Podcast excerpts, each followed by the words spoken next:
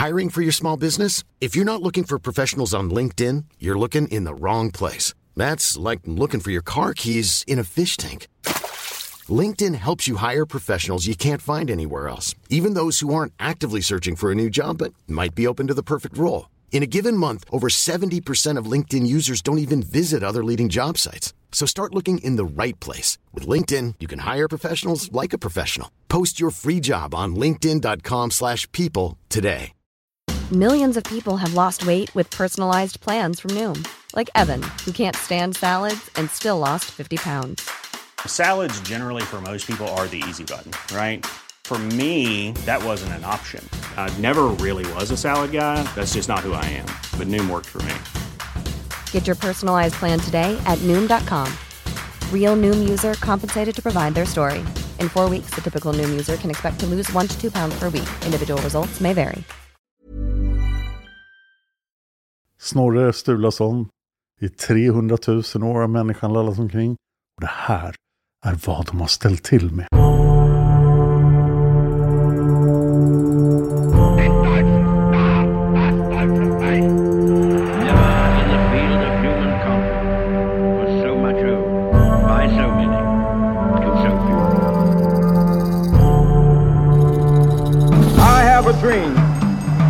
Dallas, Texas, the flash, apparently official, President Kennedy died at 1 p.m.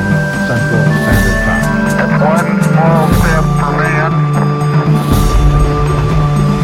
one giant leap for mankind. Statsminister Olof Palme är död. Eftermiddag. World Trade Center i New York brinner. Nu blir det historia med Dan Hörning och Cornelia Boberg. Och med det så börjar vi dagens avsnitt. Och nu ska Cornelia berätta för oss om Snorre Sturlasons barndom. Ja. Snorre då växer upp med massa jävla syskon för att hans eh, farsa har eh, haft väldigt skoj. Om man säger så. Och ja, Och sen kom en snubbe och bara Snorre, kom och lek med mig och eh, du kommer få en gedigen jävla utbildning. Och då sa Snorre, ja, Snorre åker dit och får den här skitbra utbildningen i poesi, filosofi, läsa, läsa och skriva. Snorre är jättekristen. ja, det är han. Mm. Den här mannen som han växte upp hos hette alltså John Lopson. Eller Loftsson. Det är lite skrämmande ibland hur snabbt man glömmer namn. Eller så vågade jag bara inte chansa. Snorre hade vuxit upp på John Loftssons gård Odde. Och där hade forntidens stamtavlor och skaldeverk funnits bevarade. Snorres intresse för dikter och berättelser hade väckts på Odde. Men 1197 dog John och nu var Snorres framtid osäker.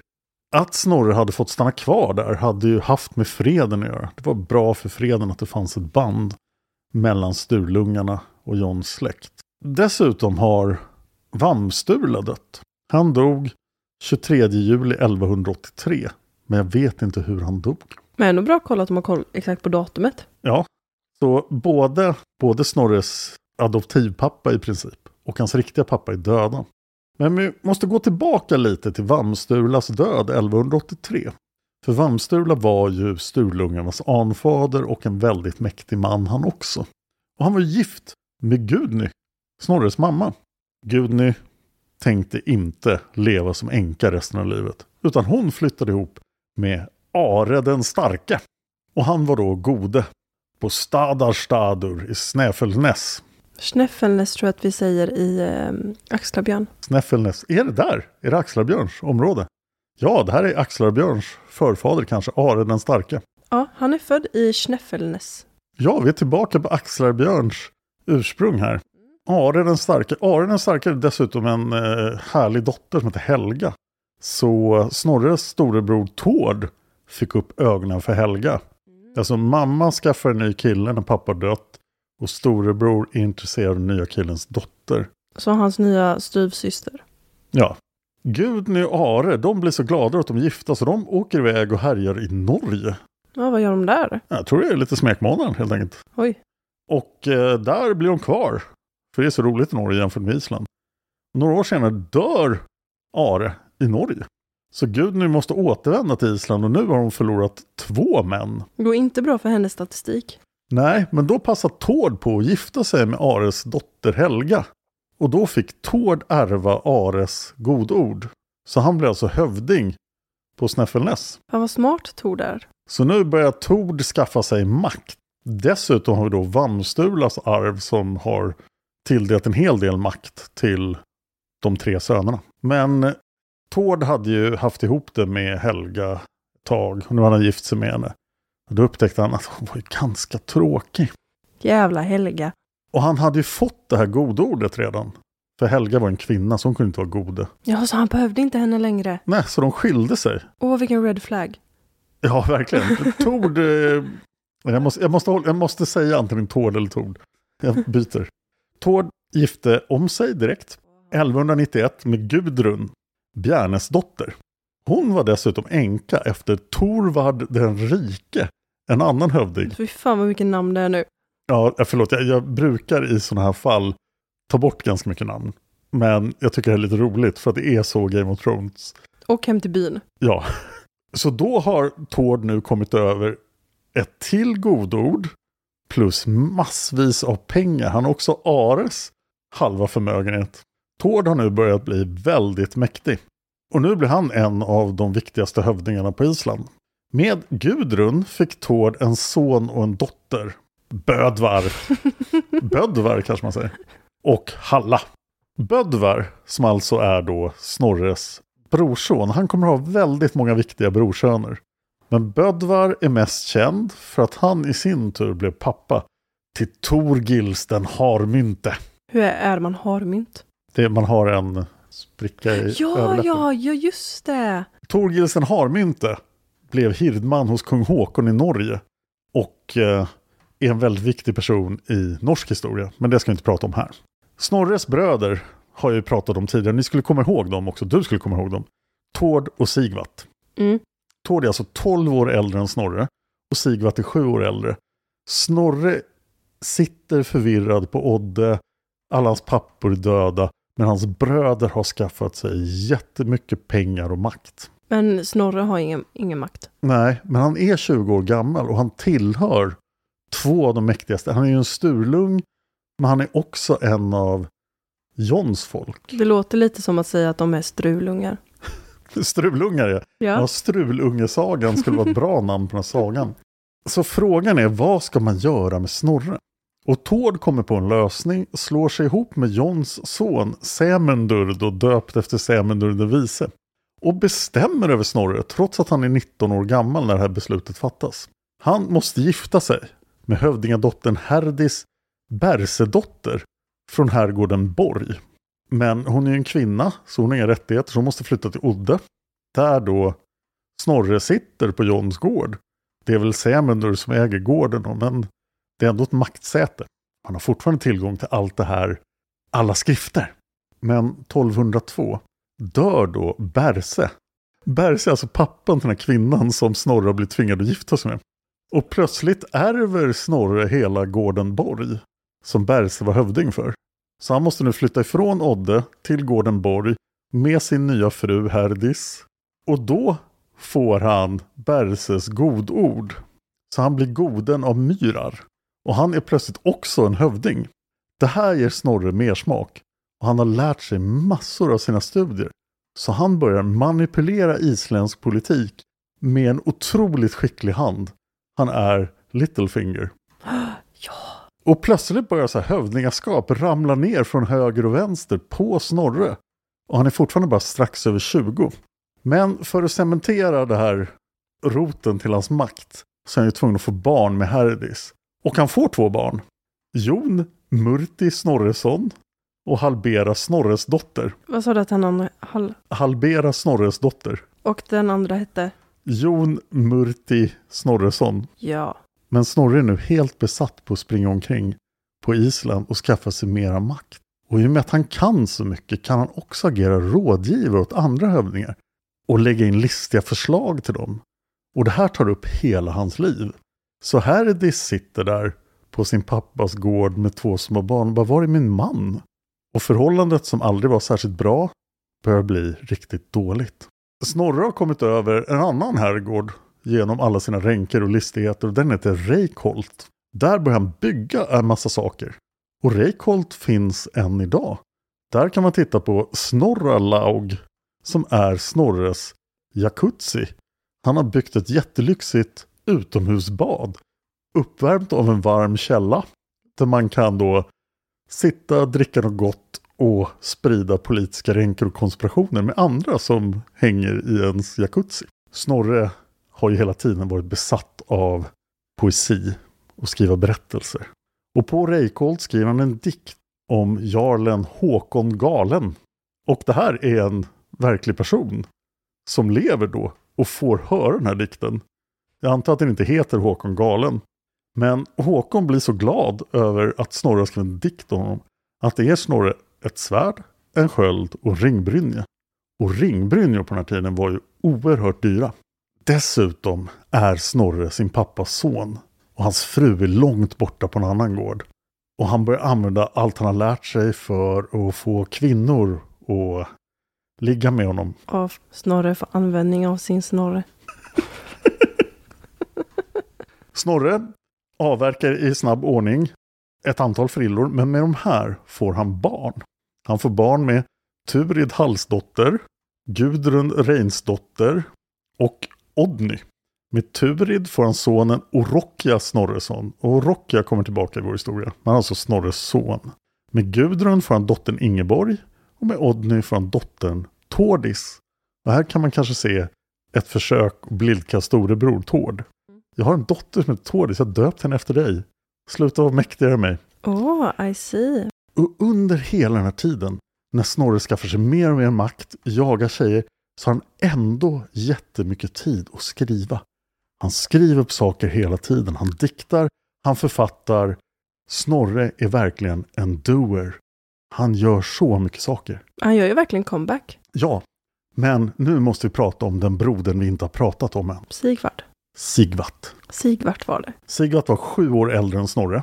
Sigvat har också legat i, men han har legat i huvudsakligen med sin hustru och skaffat sju söner och kanske två döttrar. I den här Sturlungatiden, i den här fruktansvärda kaoset som Sturlungar orsakar, så kommer sex av Sigvats söner att dö. Sex av dem dör i strid. Mycket för sin pappas maktlystnad. Men den sjunde sonen kommer att överleva och han kommer tillbaka för att hämnas. Och nu får jag äntligen presentera en av Islands mest fascinerande män. Tord Kakali! jag förväntade mig något så här jättecoolt namn. Något så här superhjältenamn. Tord Kakali Sigvatsson. Kom ihåg Tord Kakali. Jag kommer aldrig glömma det namnet. Sigvat är ju också Vamstulas son och han är också en maktspelare. Han vill bara ha mer och mer makt. Men han inser ju att hans makt är beroende av hur mycket makt andra Sturlungar har. Och de är ju ändå bröder. Så kan de samarbeta. Vem ska kunna stå emot Sturlungarna? Tord, Sigvat och Snorre. Sigvat får också för sig att skriva en massa saker. Och när folk inte tycker om det han skriver, då blir Sigvart inte glad. På något sätt har han lyckats få cred för två stycken Lausa-visor i Sturlungasagan. Den ena diktade han ihop 1212 när han fick höra att en hövding som hette Hallir Kleppjärnsson hade dött. Och då skrev han en dikt om Haller Kleppjärnsson. Den andra dikten kan vi hoppa. Från och med 1213 rådde Sigvat över två godedömen i Eilafjorden på Nordlandet och han flyttade dit 1215 och etablerade sin makt i norr på hövdingasätet Gorund. Så Sigvat är lite den onda härskaren i norr. Sigvat hade inte så mycket till övers för någon annan och speciellt inte folk som inte var Sturlungar. Och på så sätt hamnade han i många konflikter, bland annat med en av de två biskoparna, Gudmund Arason. Gudmund var den första som tog till våldsamma initiativ i den här konflikten. Och han mördade en av Sigvats söner. Ja, jag sa ju att sex av dem kommer att mördas. Eller slås ihjäl i de här, men det här var ett mord. Men senare kom det fram att det var inte Gudmund. Gudmund ville inte att den här sonen till Sigvat skulle mördas. Utan det var hans soldater, eller hans hirdmän då, som hade antagit att det var en bra grej. Men Gudmund ville inte det här. 1222 befann sig Gudmund på Grimsi, som är en ö. Det fick Sigvard reda på så han tog med sig sin son Sturla, det vill säga en av sönerna som kommer att dö, eftersom det bara är Tord Kakali som överlever. Men de åkte till Grimsi för att göra någonting åt den här biskopen. De tog honom till fånga, krävde ur honom en massa eftergifter, och sen skickade de honom i landsflykt till Norge. Så så stor var Sigvards makt, att han kunde skicka bort en av de två biskoparna på Island. Men trots all den här makten han hade skaffat sig som den onde fursten i norr, så hade Sigvard hamnat efter sin lillebror. För 1215 hålls det ett allting, lagsagomannen avgår och alltinget väljer Snorre Sturlason som lagsagoman.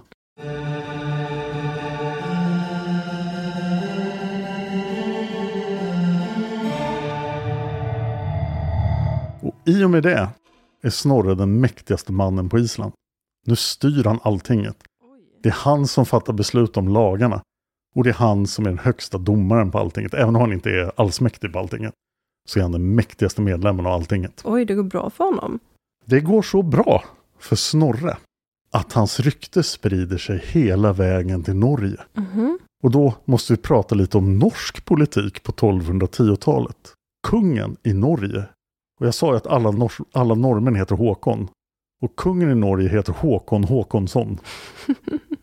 Såklart. Han är 13 år gammal. Oj då. Det enda sättet att klara sig som kung i Norge när man är 13 år är att ha en skicklig rådgivare. Och nu vill jag att du tänker på Jafar i Aladdin. För det här är den här historiens Jafar. Jarl Skule Bårdsson är den unge kungen av Norges onde rådgivare. I själva verket är det Skule Bårdsson som har makten över hela Norge. För den 13-årige kungen lyssnar på allt han säger. Och Skule Bårdsson nöjer sig inte med att styra över Norge. Han vill göra Norge mäktigare och den uppenbara expansionen för Norge är att erövra Island. Svenskarna bor ute i skogen, de är svåra att komma åt, Sverige är jättestort och danskarna är livsfarliga. Men Island är splittrat i Sturlunga-tiden så Skule Bårdsson planerar ett norskt maktövertagande i Norge. Men för att genomföra det behöver han en islänning, en agent på ön. Och vem skulle vara bättre att bli Jafars hantlangare än Snorre Sturlason? Skule Bårdsson hör berättelsen om Snorre Sturlason och han inser att en ung, vältalig isländsk lagman från den mäktigaste ätten på Island. Om skulle Bårdsson kunde övertala Snorre att agera för Norges sak, då skulle Snorre kunna bli jarl över Island under den norske kungen och Island skulle kunna införlivas i det norska riket. Så det kommer ett bud från Norge till Snorre Sturlason där det står Kom till Norge, vi har godis. Och, och då kommer man, eller? Ja, Mm. så Snorre avgår som lagsagoman på Island 1218 och beger sig iväg på den långa resan till Norge. Undrar vad det är för godis de har. Måste vara gott godis i så fall. Makt, jättemycket makt och norskt guld. Sommaren 1218 seglar Snorre från Island till Norge. Och där kallas han alltså inför kungen av Norge. Oh, spännande. Men skulle Bårdsson ha massor av intriger på gång så är han inte där. Utan Snorre får först träffa kungen, alltså 13-årige Håkon. Men sen får han träffa Skule Bårdsson. Skule berättar för Snorre att Håkon, kungen, i all sin visdom har utsett honom till en skutilsvein. Ett svin. Det här är ingen jättebra titel i Norge. Men de tenderar inte att ge titlar till islänningar. Utan det här motsvarar ungefär väpnare i Sverige på den här tiden. Men han får en titel och en plats i den norska hirden i kungens egen armé. Men Skule Bårdsson är inte klar utan utser senare när han har pratat med Snorre upptäckt att Snorre är med på det här. Snorre vill ha makten över hela Island och jobba för den norska kungen. I alla fall är det vad Snorre säger. Mhm. Så då får han ytterligare en norsk titel av Skule Bårdsson, av Jafar. Han blir ländman och det är i princip en riddare. Det är tidigt för riddare, det finns inga riddare i Norge. Men det här är en upphöjd krigare i den norska hirden. Och det här gör alltså Snorre till en norsk adelsman. Men det här var inga hederstitlar han fick utan att behöva göra någonting, utan Snorre fick avlägga en trohetsed. Så nu var alltså Snorre en av kung Håkons män. Eller kanske en av Skule Bårdssons män. Och nu var alltså planen att han skulle återvända. När han var klar i Norge skulle han återvända till Island och möjliggöra det norska maktövertagandet. Så Snorre har alltså här sålt ut hela fristaten till Norge. Hela vintern tillbringar Snorre hos Skule Bårdsson och smider planer för det norska maktövertagandet av Island. Han får ett skepp i hedersgåva från kung Håkon så att han ska kunna åka tillbaka till Island med skeppen. Det är hans skepp och ett skepp tar ju enorm tid att bygga här. Det är en fin gåva. Vid det här laget har kung Håkon fyllt 14. Men det är fortfarande Skule Bårdsson som styr Norge. Det här är en extrem förenkling av norsk politik. För det här är inte en podd om norsk politik på den här tiden. Men norsk politik är ännu mer Game of Thrones än isländsk politik. Har de trial by combat? Nej, Ja. de är också kristna. Fan. Väldigt förenklat kan man säga att det finns två upprorspartier i Norge på den här tiden. Birkebeinarna och baglarna. Dessutom är kungen av Norge en vald kung.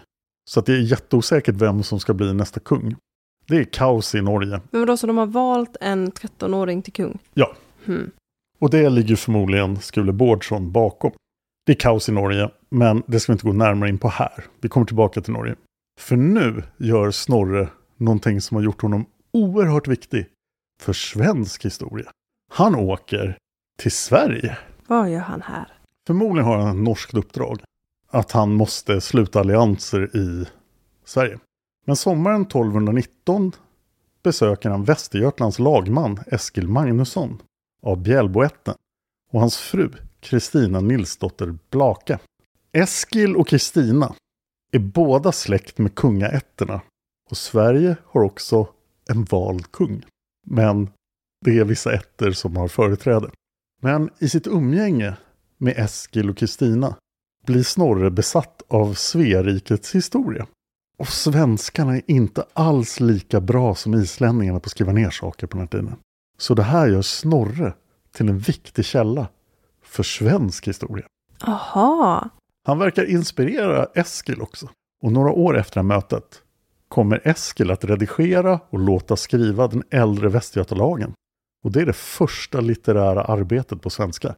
Inse hur mycket svenskarna ligger efter islänningarna. Oj. Det har inte gått bra för oss. Det är alltså inte heller särskilt mycket mer människor i Sverige än vad det är på Island. Kristina och Eskil blir jätteförtjust över Snorre. Och Kristina, i en plötslig inspiration, ger en hedersgåva till Snorre. Han får det baner som kung Erik Knutsson av Sverige hade i slaget på Gestilren 1210. Så Snorre har sitt norska skepp och sitt svenska baner. Yay! Och genom att Snorre faktiskt besökte Sverige och att man anser honom vara en god historiker och källkritiker, han var inte helt okritisk, så är hans uppgifter om svensk historia väldigt trovärdiga. Snorre skrev ju förstås aldrig i avsikt att dokumentera svensk historia. Men det gjorde han ändå eftersom han skrev så mycket. Och han skrev om den här resan och vad han hörde. Det gör Snorres verk till ett av de äldsta bevarade dokumenten om Sveriges historia. Vad får vi lära oss av de dokumenten?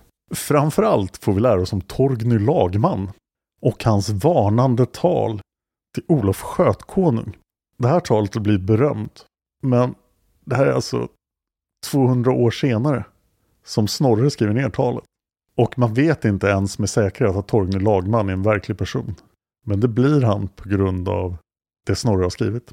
Men efter partyt i Sverige så är det dags att återvända till Island och hjälpa kung Håkon att ta makten över Island. Alltså förråda hela fristaten, förråda sina bröder, förråda alla godar på hela Island, förråda alltinget. Snorre åker först till Reykholt, till stället med Jakutsin. Och där hittar han sin mamma, Gudny. För hon har flyttat dit. Hur länge var han borta? Han var borta i två år. Jaha. Inte ens två år, lite mindre än två år. Snorre är nu 43 år gammal och Gudny är 73. Jag antar att Tord och Sigvat, hans bröder och alla Gudnys döttrar och Snorres halvsystrar då besökte Reykholt ibland och hälsade på Snorre och Gudny. Sturlungarna är nu jättemäktiga på Island. Men det som ger dem makten är att de har tre mäktiga hövdingar, Tord, Sigvat och Snorre. Och att de kan hålla ihop. Men det kan de inte. De råkar ofta i konflikt med varandra. 1221 dör Gudny, mamma, på Reykholt. Innan hon dog gjorde hon det allmänt känt att allting hon ägde, och hon ägde ganska mycket, skulle gå till Sturla Tårdsson, alltså hennes barnbarn Tårds son. Men alla hennes rikedomar fanns ju på Reykholt när hon dog och där var Snorre. Varpå han resolut la beslag på allting mamma ägde. Ah. Och inte ville ge bort det till sin brorson Sturla Tårdsson.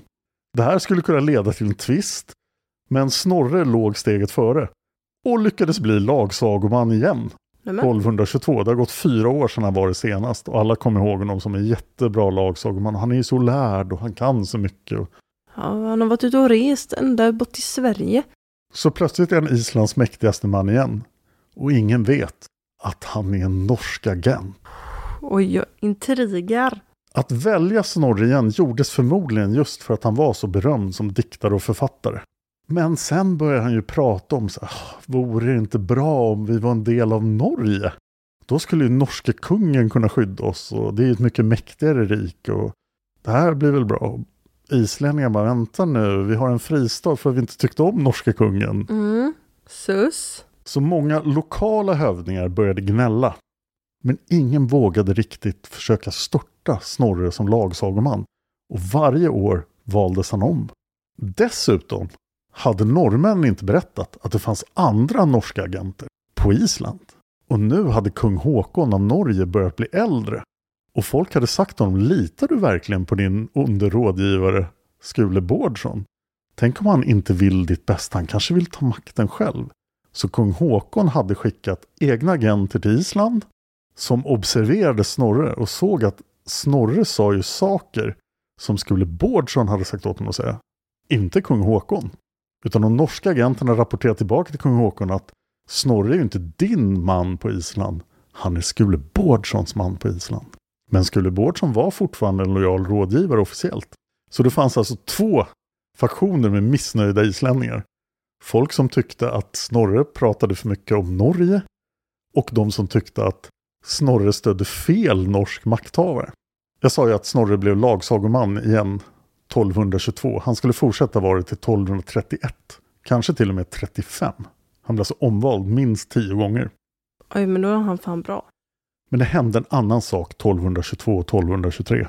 Han är alltså norsk agent. Han är lagsagoman. Han måste sköta alla sina goda ord. Han har en massa ungar. Men någonstans hittar han tiden att sätta sig ner och skriva Eddan. Det är här det händer. 1222-1223. Snorres Edda, som han skriver nu, är en medeltida handbok i skaldekonst och en lärobok i nordisk mytologi. Den enda läroboken i nordisk mytologi, nästan. Mhm, den enda. Det ska jag prata mer om i nästa avsnitt. Hur stor källa Snorre egentligen är. Åh, För det finns andra. vad intressant. Det finns de som tvivlar på att Snorre har skrivit den här. Men det är inte många. Nej, så det är ändå lite konsensus att det är han. Ja. I den äldsta bevarade handskriften av Snorres Edda har någon skrivit följande text. Och det är inte Snorre. Utan här är en kommentar angående författarskapet. Citat. Denna bok heter Edda. Snorre Sturlason satte samman den på så sätt som den är ordnad här. Först berättas om asan och Ymer. Därefter följer skaldskapens språk och benämningarna på många ting. Och sist verslistan som Snorre diktade om kung Håkon och Jarl Skule Bårdsson. Slutcitat. Vilket också då gör Snorre till en jätteviktig källa för norsk historia. De olika delarna av Eddan är då prologen, sen en sammanfattning av nordisk mytologi och vissa myter. Sen är det Gylfaginning, en historia som också kan heta Hur Gylfe blev lurad. Det är 20 000 ord, där Snorre berättar om Gylfe och hans synvilla. Och Gylfe är en mytologisk kung, en sagokung, som härskar i Sverige. Nämen. Sen har han skrivit skaldskaparmål. Och det är då skaldskapens språk. Det är 50 000 ord. Och det här beskriver hur det hedniska innehållet som man Snorre ansåg var viktigt för att sagoberättarens konst inte skulle gå förlorad och hur det fungerade. Och sen är det också hattatal eller verslistan, ytterligare 20 000 ord. Det är en 102 strofer lång kungahyllning på vers. Och i varje vers är det ett nytt versmått. Så det här är diktning på hög nivå. Jag ska ju prata mer om det här i nästa avsnitt, men det går inte att överdriva betydelsen av det här verket för just vår förståelse. Och inte bara av nordisk mytologi, utan över alla germanska folks mytologi. Frankernas mytologi, germanernas, langobardernas, vandalernas, alla germanska folk. Det mesta har gått förlorat. Ingenstans finns det så här bra bevarat som det gör i Snorres Edda. Bra jobbat Snorre. Kommer du ihåg Sämundur? Ja. Sämundur den vise var farfar till Jon som tog hand om Snorre. Och Jon hade en son som hette Sämundur. Sämundur har vi det här laget. Det var Sämundur som tvingade Snorre att gifta sig med Herdis. Mhm, mm. Tillsammans med Tord. Men Sämundur dör 1222 medan Snorre sitter och skriver på Eddan. Så Snorre är alltså lagsagoman, norsk agent, skriver på Eddan. Och han lyckas också uppvakta Sämundurs dotter Solveig. För han tänker att han ska gifta till sig hela Jons arv då. Och bli ännu mäktigare. Men han är ju lite upptagen. Så Sturla Sigvatsson, alltså en av Sigvats söner som kommer att dö, hinner först och gifter sig med Solveig. Och det här blir Snorre ordentligt förlämpad av. Här fanns det ett viktigt arv och förmodligen en ganska attraktiv kvinna att gifta sig med. Det är väldigt oklart vad som hände med Snorres fru. Men han har inte sett till henne på många år. Men Stula Sigvardsson han alltså före och gifte sig med Solveig. Och då måste vi prata lite mer om den här dödsdömde sonen till Sigvard. Stula Sigvardsson. Men vi måste också prata lite mer om hans bror. Tord Kakali. Så är det.